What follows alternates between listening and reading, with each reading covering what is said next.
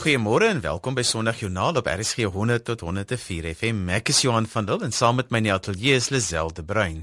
Ons gesels godsdienst en geloof en maak maar 'n nota dat ons ook nou op DStv kanaal 9 en 3 gehoor kan word. RSG fokus hierdie maand op die gesondheidswêreld van die man en vir die doeleindes van ons program gesels ons vanoggend oor 'n paar aspekte van man wees met die fokus op hulle geloofslewe. Ons gaste vanoggend is Dominee Cassie Karstens, Dominee Marius Valk en Erna Reder. En ons vra ook sommer vir 'n paar gelowige mans oor hoe hulle oor geloof dink.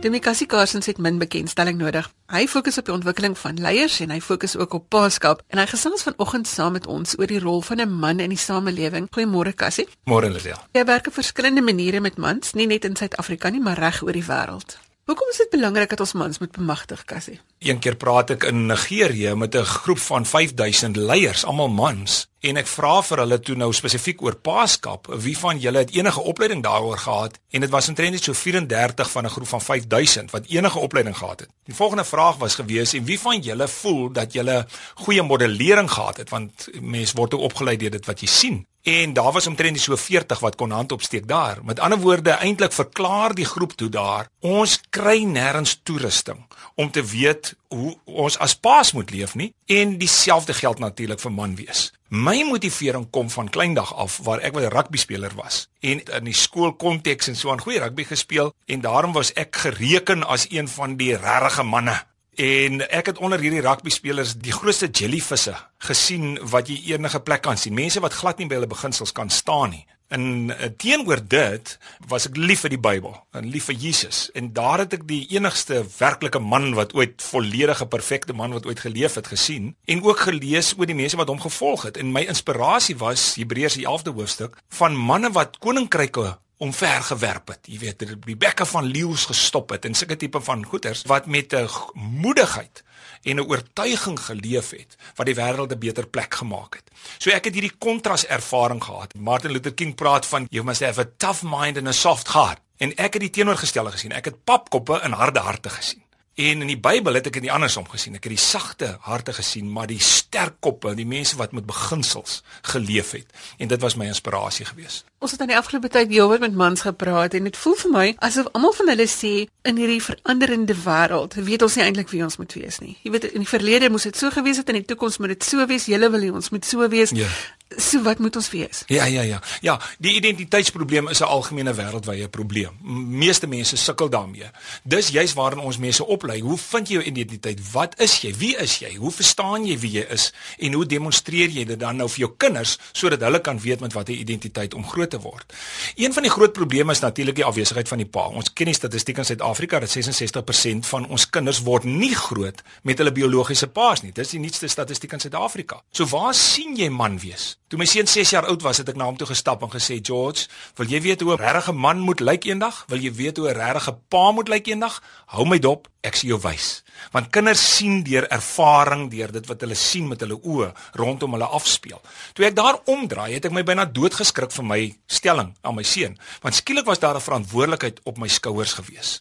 En daarom van daardie dag tot vandag leef ek asof my seun elke oomblik teenwoordig is. Ek moet so leef asof hy heeltyd 24 uur per dag by my afkyk hoe 'n man te wees en hoe 'n pa te wees, want die modellering daarvan is tragies om die mense daarvan te sê. So wat is jou praktiese raad? Kom ons sê ons kan drie goed op die tafel sit. Hmm. Ek gaan een dilemma eers net sê wat ek dink ons moet almal aanspreek. Na 'n 16 jaar se spesialisering in leierskapopleiding om te kyk na leiers en wat is die probleem wat die meeste leiers mee sukkel na omtrent 30 jaar se huweliksverryking wat ek en my vrou gehou het met met pare, het ek dieselfde ding agtergekom. Daar's 'n kernprobleem wat die meeste mense mee sukkel in alle verhoudings en in hulle menswees.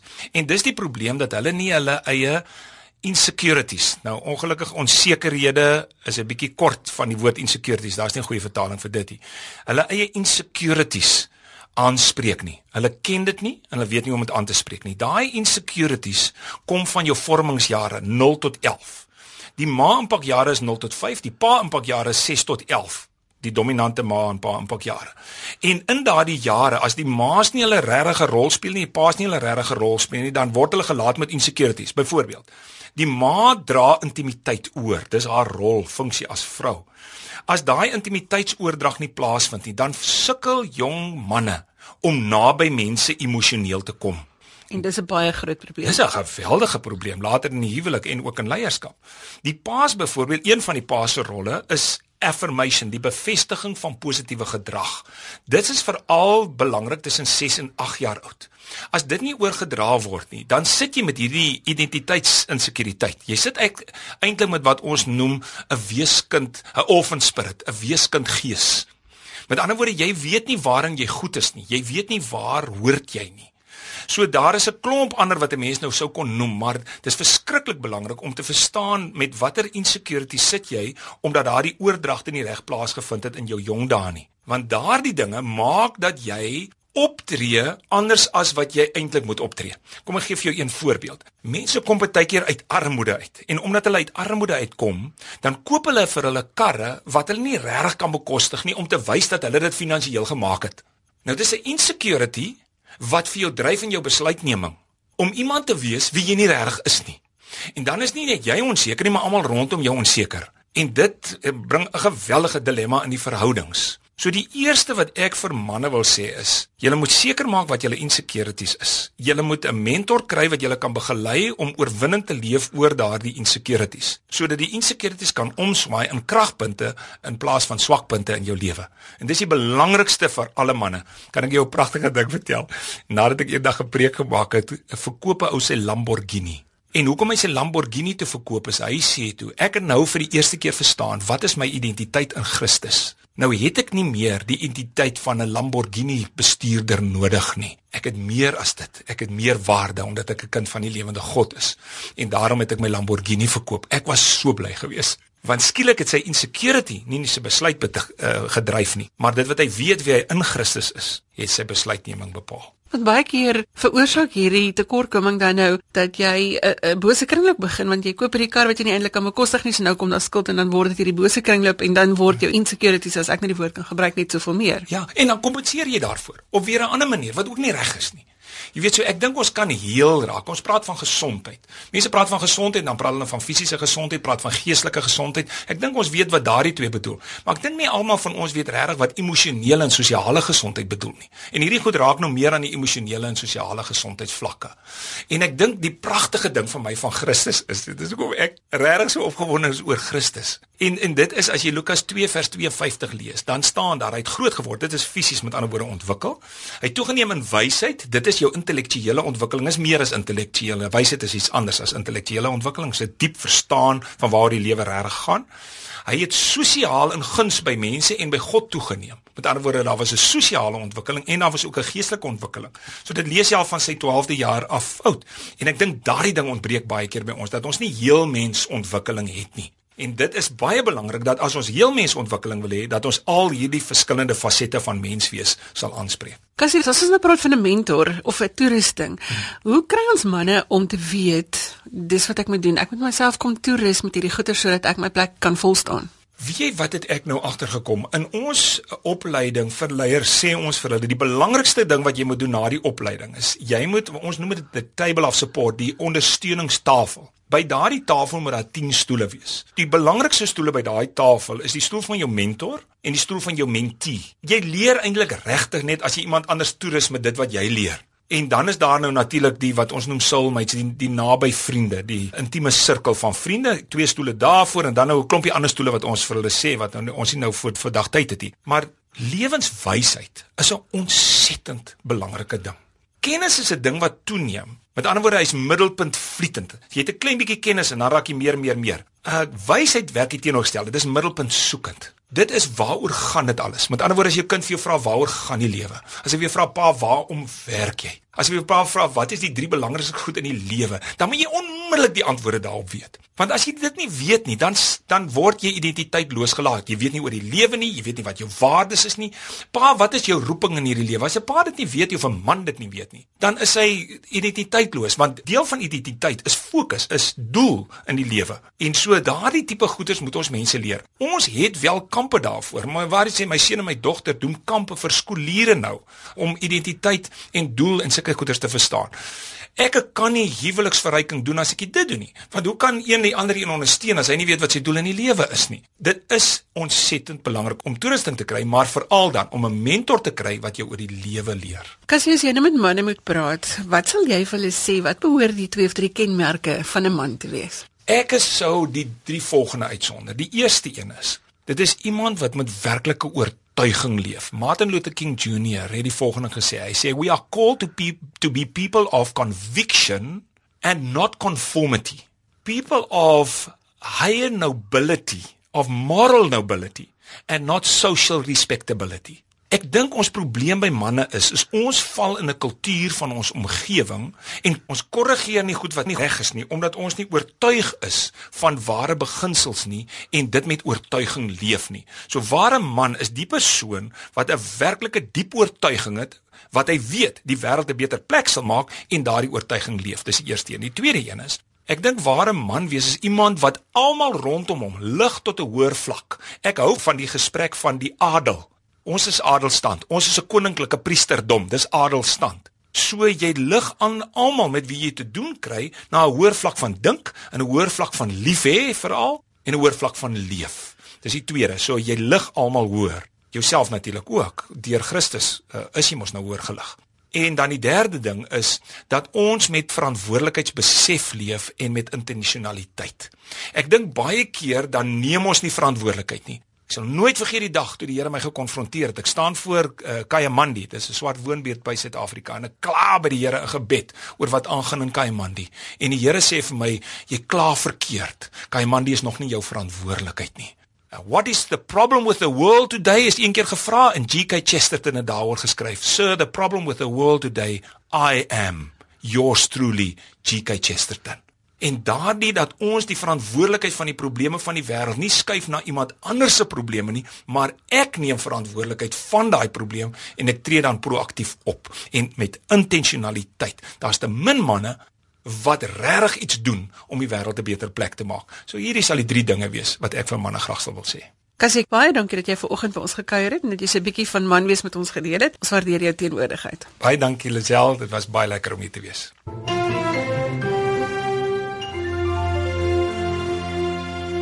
Goeiemôre, jy luister na Sondagjoernaal hier op RSG 100 tot 104 FM en ook wêreldwyd by rsg.co.za. Onthou jy kan ons ook kry op DStv kanaal 913. Die NG Gemeente Universitas Wes van Bloemfontein het onlangs 'n klipstapel by die kerk gepak en vanoggend sluit Jean van Billjon, 'n gemeentelid by ons aan om te vertel van hierdie inisiatief. Goeiemôre Jean. Goeiemôre Lisel. Jean, jy het nie eenoggend wakker geword en besluit jy wil 'n altaar bou nie. Julle gemeente het 'n pad gestap wat julle laat besluit het om iets sigbaar te doen. Ons is op 'n 5 jaar roete in die gemeente, uh ook sedert ons 'n nuwe leraar gekry het wat ons hierdie pad saam met die Here stap. Ons het spesifieke luisterspan wat so 'n bietjie help in die visionering van die gemeente wat deurlopend dit doen. Hulle hoofopdrag is of hooftaak dan is om te luister na God, uh spesifiek rondom hulle tye wat hulle saamkom en so vra van die res ook van al die ander uh, gedele in die gemeente om ook so saam na God te luister. Maar is dan spesifiek ons taak wat ons uh, mee besig is elke tweede week wat ons spesifiek bymekaar kom saam na die Here luister. En so die gemeente deurentyd Josua 1 tot 6 uit baie by die Here gehoor. En dit ons besluit die Here bring ons uit punt dat ons iets moet doen. En vroeër vanjaar by ons ons leiersraad vergadering en eintlik so visionering wat hulle gehad het, het ons uh, weer oortuiging van die Here gekry om nou iets te doen. En toe het ons uh, weer baie mooi gaan kyk na Joshua en besluit ons moet nou 'n klipstapel bou want ons het nou 'n plek bereik, 'n punt bereik wat ons ons eie Jordaan nou oorsteek. En daarom dat ons die klipstapels die teken daarvan het en verder met hierdie reis wil gaan saam met die Here. Ons het 'n nuwe punt bereik in die gemeente wat ons in 'n volgende fase ingeneem het met hierdie bou van hierdie klipstapel. Jean, vertel my van die luisterspan. Dit is nie noodwendig predikante wat hierdie ding dryf nie. Julle is gewone lidmate van die gemeente op die luisterspan wat luister na die Here en wat hoor wat julle moet doen. Ja, ons is nie die gewone domineeskerke nie.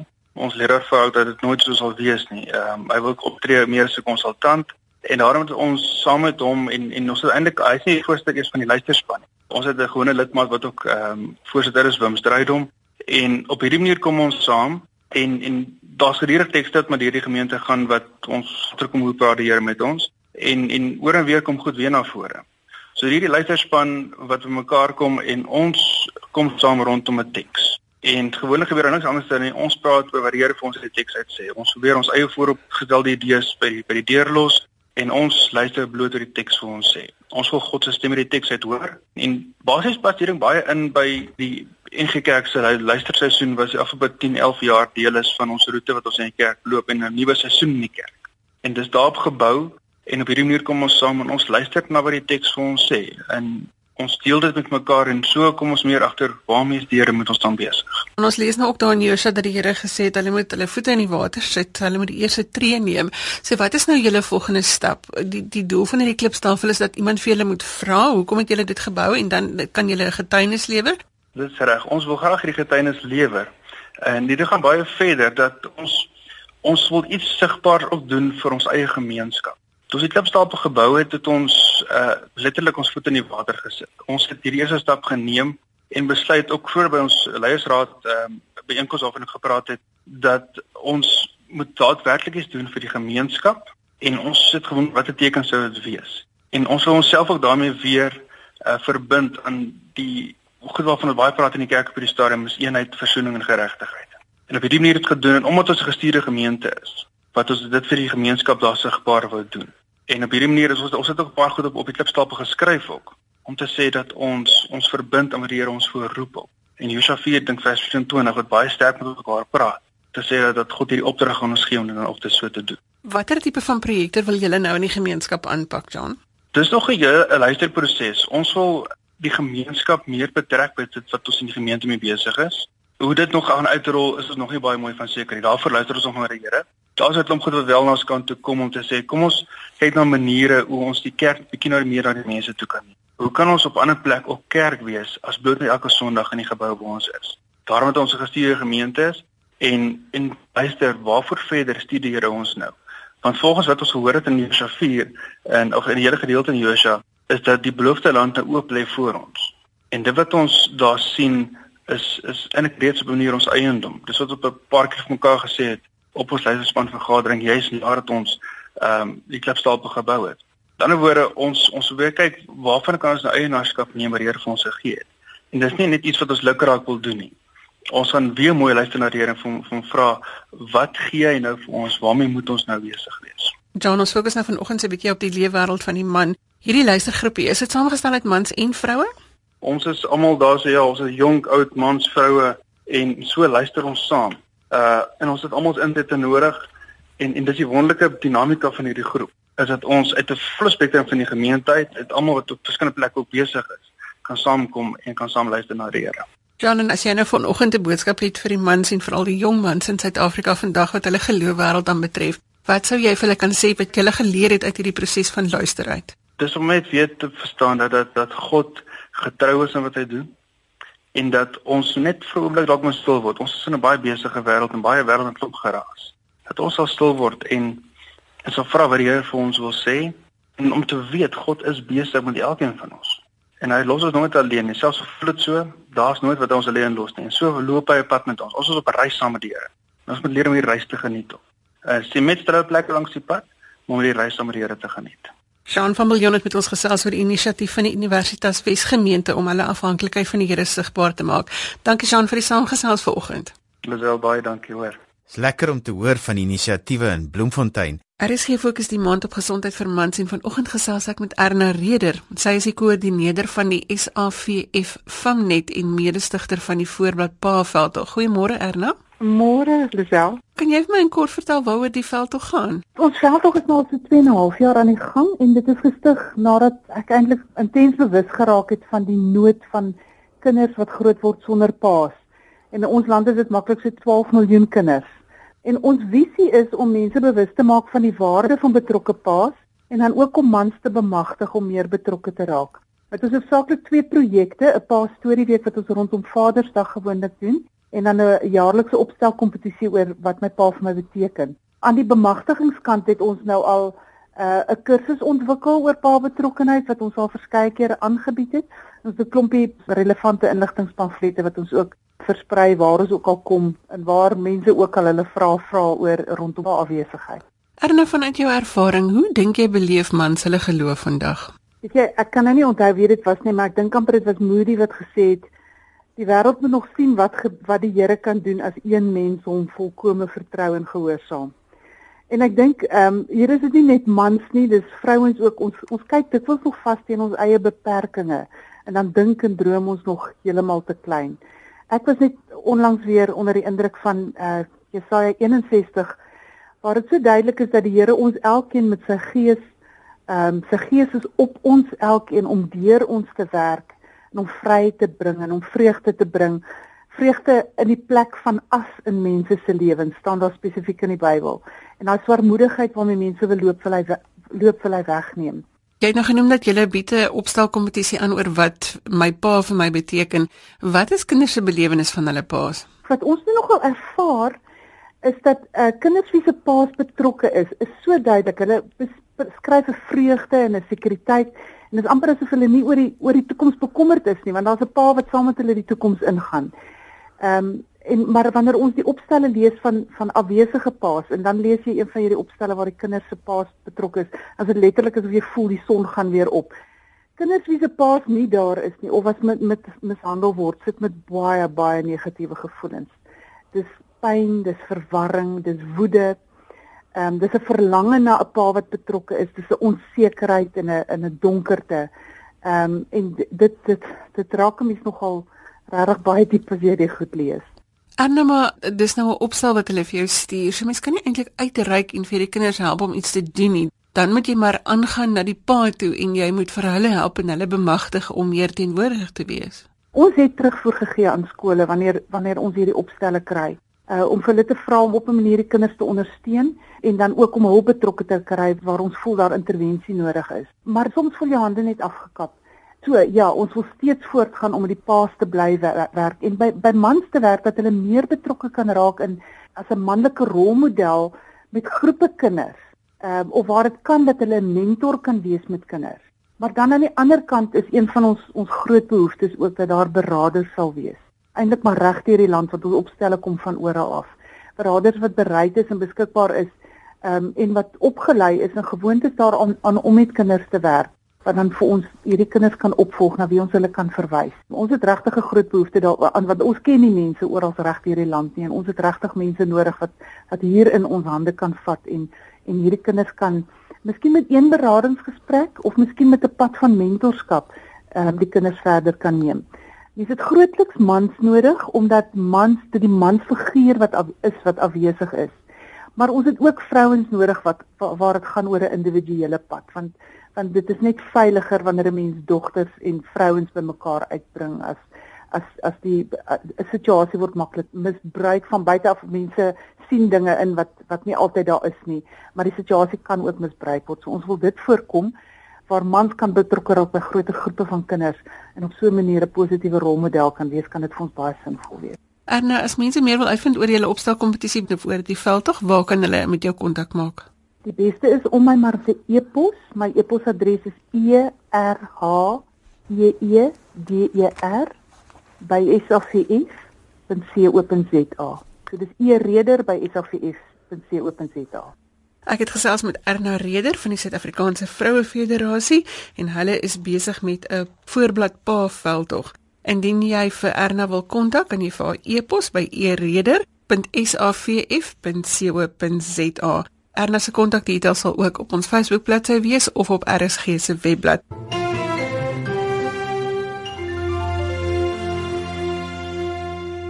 Om jouself te koester is 'n gedagte waarmee vroue baie gemaklik assosieer beter dan mans. En vandag wil ons die noodsaaklike koestering ook deurtrek na die man vanuit 'n geloofsperspektief. En ek verwelkom vir Dr. Marius Valk, leraar en beradingsterapeut by ons. Goeiedag Marius en baie welkom en dankie vir jou tyd. Goeiemôre, lekker om so saam te mag kuier. Nou dikwels word die term volgende generasie en toekoms aan ons jong mense toegevoeg met 'n verwagting van groot dinge, terwyl ons jong mense en veral die jong mans nie noodwendig hulle self al gevind het in hulle rol as jong volwassenes nie. Wat is die grootste uitdaging van ons jong manlike volwassenes? Ehm um, Gilma, ek wil net sê dat ek vanuit die terapeutiese hoek nou maar kyk en werk elke dag. En dit wat ek in die praktyk beleef in in die terapiekamer is dat eerstens ehm um, inligting is mag. Ons het groot geword in on, ons jonger dae met kennis is mag en nou sit inligting is mag. En hulle wil graag inligting hê soos in nou. En dit gebeur dan ook so dat inligting ongelooflik beskikbaar is uh, met internet, sosiale media en dis meer. Dis die eerste groot uitdaging. Hulle wil baie graag alle inligting hê nou. Hulle wil presies weet wat is aan die gang in die wêreld en en en met wie is dit aan die gang en wat is wat is aan die gebeur. Die tweede groot uitdaging wat ek uh ontdek hier is is dan on, dit bring ook by hulle onsekerheid. Want hulle wonder waar pas hulle binne in dit in? Wie is ek? Wat is ek? Waarheen is ek op pad? Hoe sien ek myself? Hoe sien ander my binne in hierdie inligting, binne hierdie sosiale media? En die volgende krisis wat dit dan meebring is dat omdat ons die hele tyd op op in hierdie kletskamers verkeer, het ons verleer om oogkontak te maak. Het ons verleer om om om sensitief te wees vir mekaar se emosies en en om te hoor wat die ander een vir my wil sê. Ons het trouens verleer uh, of die gevaar is om te kan verleer om werklik te kan kommunikeer. Dan die ander uitdaging is ook natuurlik nou die politiek, uh, die fundamentalisme wat aan die gang is in die sosiale maatskaplike wêreld word ryk mense al hoe ryker en arme mense word al hoe armer. En dan die volgende ook is die godsdienstige situasie, krisis. Kerke het hulle impak verloor, veral die tradisionele kerke.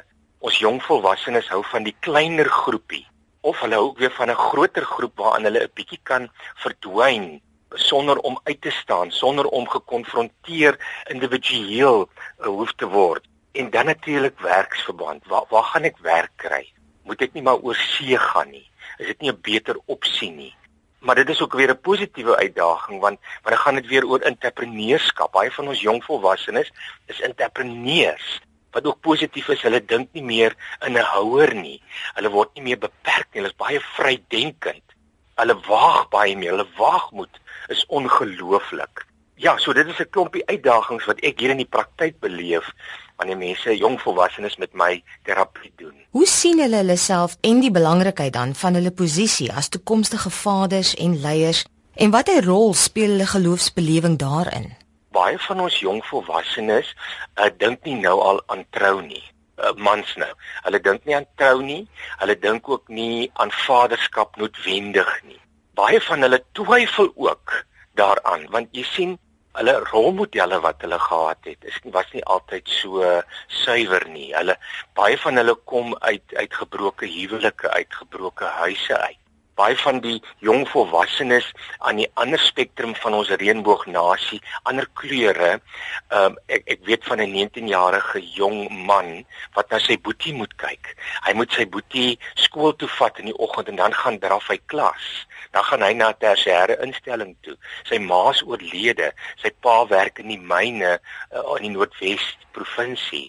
Hy kry elke Vrydag by 'n OTM geld van sy pa. So vir hom is 'n huwelik baie ver en hy's baie onseker daarvan en en hy's baie onseker oor sy rol as as Christen man dan nou. Hoe moet hy dit vertolk en hoe gaan hy hoe gaan hy in 'n vaste verbintenis ingaan? Hulle is bang vir vaste verbintenisse omdat hulle uit daardie uit daardie milieu uitkom van eenheid elke tweede huwelik uh, beland op die rots so hulle rolmodelle was nie altyd so positief nie. Aan die ander kant weer is hulle ook geweldig, geweldig oop weer in hulle jeugdigheid vir die Heilige Gees en vir die woord en en vir God se stem. Hulle kyk totaal anders. So hulle besef hulle hulle moet hulle wil langer waag vir die huwelik want hulle wil groter verantwoordelikheid uh, aan die dag lê.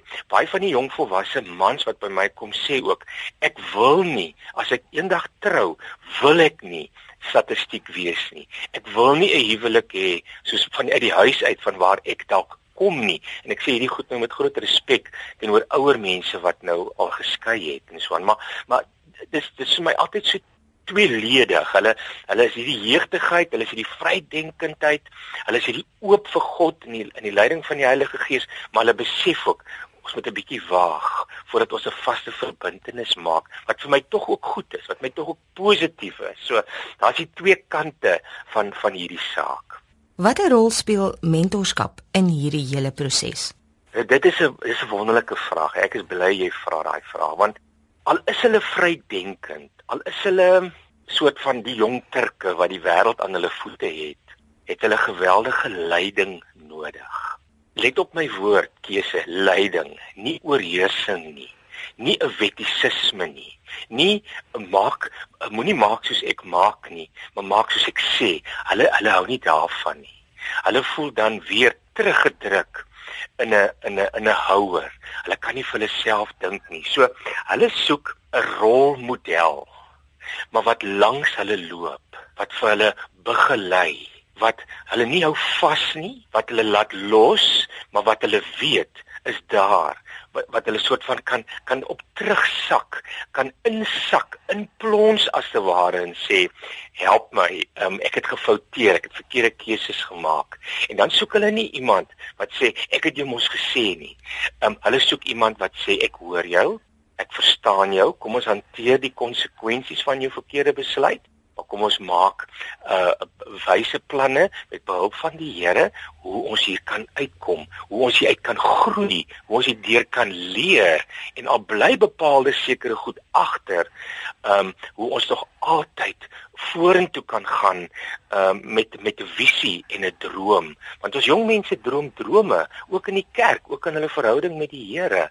Tyd is nie vir hulle belangrik nie, taal is nie vir hulle belangrik nie, tradisie maak vir hulle glad nie saak nie. En dan natuurlik die uh, die elektroniese media is vir hulle wonderlik en hulle weet presies hoe dit werk en hulle wil kans gegee word om te lei. Hulle wil weet, hulle word vertrou en dan die ander rol in die van die mentor is, hulle soek nie skynheiligheid nie. Hulle soek nie fariseërs nie.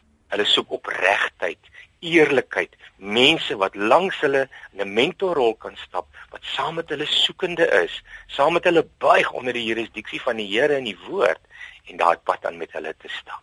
Watter riglyne kan jy deurgee om ons jong mense te help om hulle posisie te kan verstaan en ook eienaarskap te kan neem daarvan. Wat ek weer in die praktyk beleef, is eerstens vra vir jouself af of hulle kan vir hulle self afvra, wie is ek in Christus? Uh nie wie is ek in die wêreld en die sosiale media en in die kletskamers nie, wie is ek in Christus? Die tweede wat hulle vir hulle self kan vra is wie is ek in hierdie land of in my posisie of in my student wees vir Christus. Die derde is om te aanvaar ek het nie alles al die kennis nie, gaan nie al die inligting hê nie en om vrede daarmee te maak. En die vyfde een is om my pad te soek in die woord van die Here en en om te gaan kyk na vergifnis, om te gaan kyk na my gawes en my talente, wie is ek, waarheen is God met my op pad? Wat het hy met my wat wil hy met my? En dat God hier by my is en dat ek kan geestelik groei elke dag, dat ek aan hom behoort en dat hy my kan verander en dat dat ek 'n ambassadeur vir hom kan wees. Dan weet ek wie ek is en dan kan ek hierdie pad vorentoe stap in die hande van van God, want God is die gewer van die tyd my gawes en my talente en en dit vir my 'n blink toekoms om 'n verskil te maak in hierdie wêreld. Wat ek ook by van ons jong volwassenes agterkom is, hulle sê ek wil gou ryk word. Dan is die fokus so 'n bietjie verkeerd. En soms sukkel hulle ook met vergifnis hulle ouers en ander volwassenes wat hulle teleurgestel het. Marius, baie dankie vir jou insaag vandag en dat jy dit met ons gedeel het. Mag dit ook leiding gee vir ons jong mense om die regte keuses te maak en vir ons ouer geslag om miskien daaroor te dink dat goeie mentorskap of om saam langs iemand te kan inkom nie noodwendig 'n sleg ding is nie. Baie goeie ding en ek wil graag afsluit met Paulus se woorde aan Timoteus: Niemand mag op jou neersien omdat jy jonk is nie. Dankie Gilma. Laaste hoor ons van Hilton Maurice. Er is gefokus hierdie maand op die leefwêreld van die man En ek het vir 'n paar mans gevra hoe hulle hulle rol in die samelewing sien, veral wat hulle geloof betref. My naam is Colin Sheldon van Wellington. Dit is belangrik dat 'n man die Here moet dien. Op geestelike gebied uh die Here moet aanneem en hom voluit moet dien en 'n rol moet speel in die samelewing as 'n voorbeeld vir sy kinders. Uh dat kinders nie buite kan rolmodelle moet soek nie, maar hulle vir 'n pa moet opkyk na 'n pa wat wat 'n pad stap saam met die Here Jesus Christus. Ek is Hilton Green. My rol as as 'n man, ek moet standvastigheid kan vat in die lewe en ek moet dit oortuigend aan my gesin self oordra want as ek nie daar is om die pad te loop nie outomaties is my lig dood en my gesin en my kinders sal geensins my pad kan volg nie. Ek is 'n Ramsey Prins. My rol as man in die samelewing. Dit is baie belangrik dat jy 'n man deesdae standvastigheid moet hê. Deesdae die kinders kyk so op na veral as as pa. En ehm um, deesdae as as 'n man seer kry is dit verwag die kinders hy moet nie sy emosies wys nie. En dit maak dit moeilik. Maar as jy by die geloof kom, moet moet jy met sterk kan wees, jy moet standvastigheid hê. En alles sal net gebeur as jy by Jesus Christus skuil, want hy is die een wat vir jou kan versterk deur alle situasies. Ek dink dat 'n uh, Christen gelowige man se uitdagings deesdae is om staande kan kan bly in hierdie wêreld en gefokus te wees op op die Here. Want hierdie dae is dit ondervind 'n mens dit baie moeilik As 'n mens kyk in die samelewe hoe mense lewe asof die Here Jesus Christus nie bestaan nie. En dit is baie moeilik, maar met die hulp van die Here is dit moontlik. Daar is uitdagings wat op 'n mens se pad kom. Besoekings kom op 'n mens se pad. En baie kere is 'n mens baie swak is dan gaan jy nie kan staande bly nie. Maar as jy by die Here skuil, sal hy vir jou staande hou. So ons moet baie bid vir ons manne dat hulle geloof manne moet wees. Ek is Gilbert Maurice. Uh, ek dink die uitdagings uh, vir 'n Christen gelowige man is om vas te staan in jou geloof. Om nie te wankel nie al blaas die helse woede rondom jou. Want is 'n uh, 'n moeilike taak om staande te bly teen die aanslae van die wêreld. Die versoekings gaan kom, maar saam met Jesus Christus is alles moontlik. Tweedens is dit vir my 'n uh, 'n uitdaging om die Here se naam groot te maak want uh, vriende en familie hulle gaan jou verlaat maar die Here sal jou nooit verlaat nie. So jy sal moet sterk bly en met die Here se hulp sal hy vir jou mondelik maak om ook die uitdaging te oorkom. Ek wil ook by hulle hoor wat die waardes is wat deesdae vir mans belangrik is. In die algemeen kan 'n mens sien dat uh, vandag se tyd dat daar baie dinge verander het. Maar ek glo nog altyd soos die Engelse mense sê die give me the old time religion. Baie kere sien ons hoe dat mense die evangelie wil aanpas soos dit vir hulle pas. In die waardes van hierdie evangelie wat Jesus ons neergelê het, die oudtydse evangelie, die die evangelie wat praat van redding, verlossing, genesing, dat ons nie daarvan sal afwyk nie. Uh ek dink dat ons moet bly by die die waardes wat vir ons neergeleer is in die woord van die Here en dat ons daarvolgens sal wandel en sal handel. Amen. Ek dink die waardes vir mans deesdae het baie verander. Dit moet eintlik dis dieselfde wees van toe ek nog as kind was, maar die wêreld maak dit deesdae vir die mense so gemaklik dat die mense verbykyk na wat moet wees en hulle wil die wêreld navolg in plaas van gaan kerk toe en leer weer eens die ou waardes die ou ruwe kruis. Kom skuil by die ou ruwe kruis. Want deesdae is dit as as jy moet kyk die winkels is Sondag oop. En baie mense het op Sondag na 'n mall toe of watter winkel toe en die kerke loop leeg. En dit is die waardes wat 'n mens weer moet navolg. Ek dink die waardes wat belangrik is vir vir mans vandag vind jy maar in die Bybel. Uh in die 10 gebooie. Ons moet by daai gebooie hou. En dit is ons moeilik as mans om by die 10 gebooie te hou, maar met die hulp van die Here kan ons is alles moontlik vir ons. So die 10 gebooie is die riglyn waarvoor ons ons moet lewe. Ons kan nie sonder die 10 gebooie nie, anders gaan ons afvallig raak. Lisiel, uh, Johan, daar het ons nog 'n paar menings uit 'n gemeenskap wat streef om vir die Here te leef.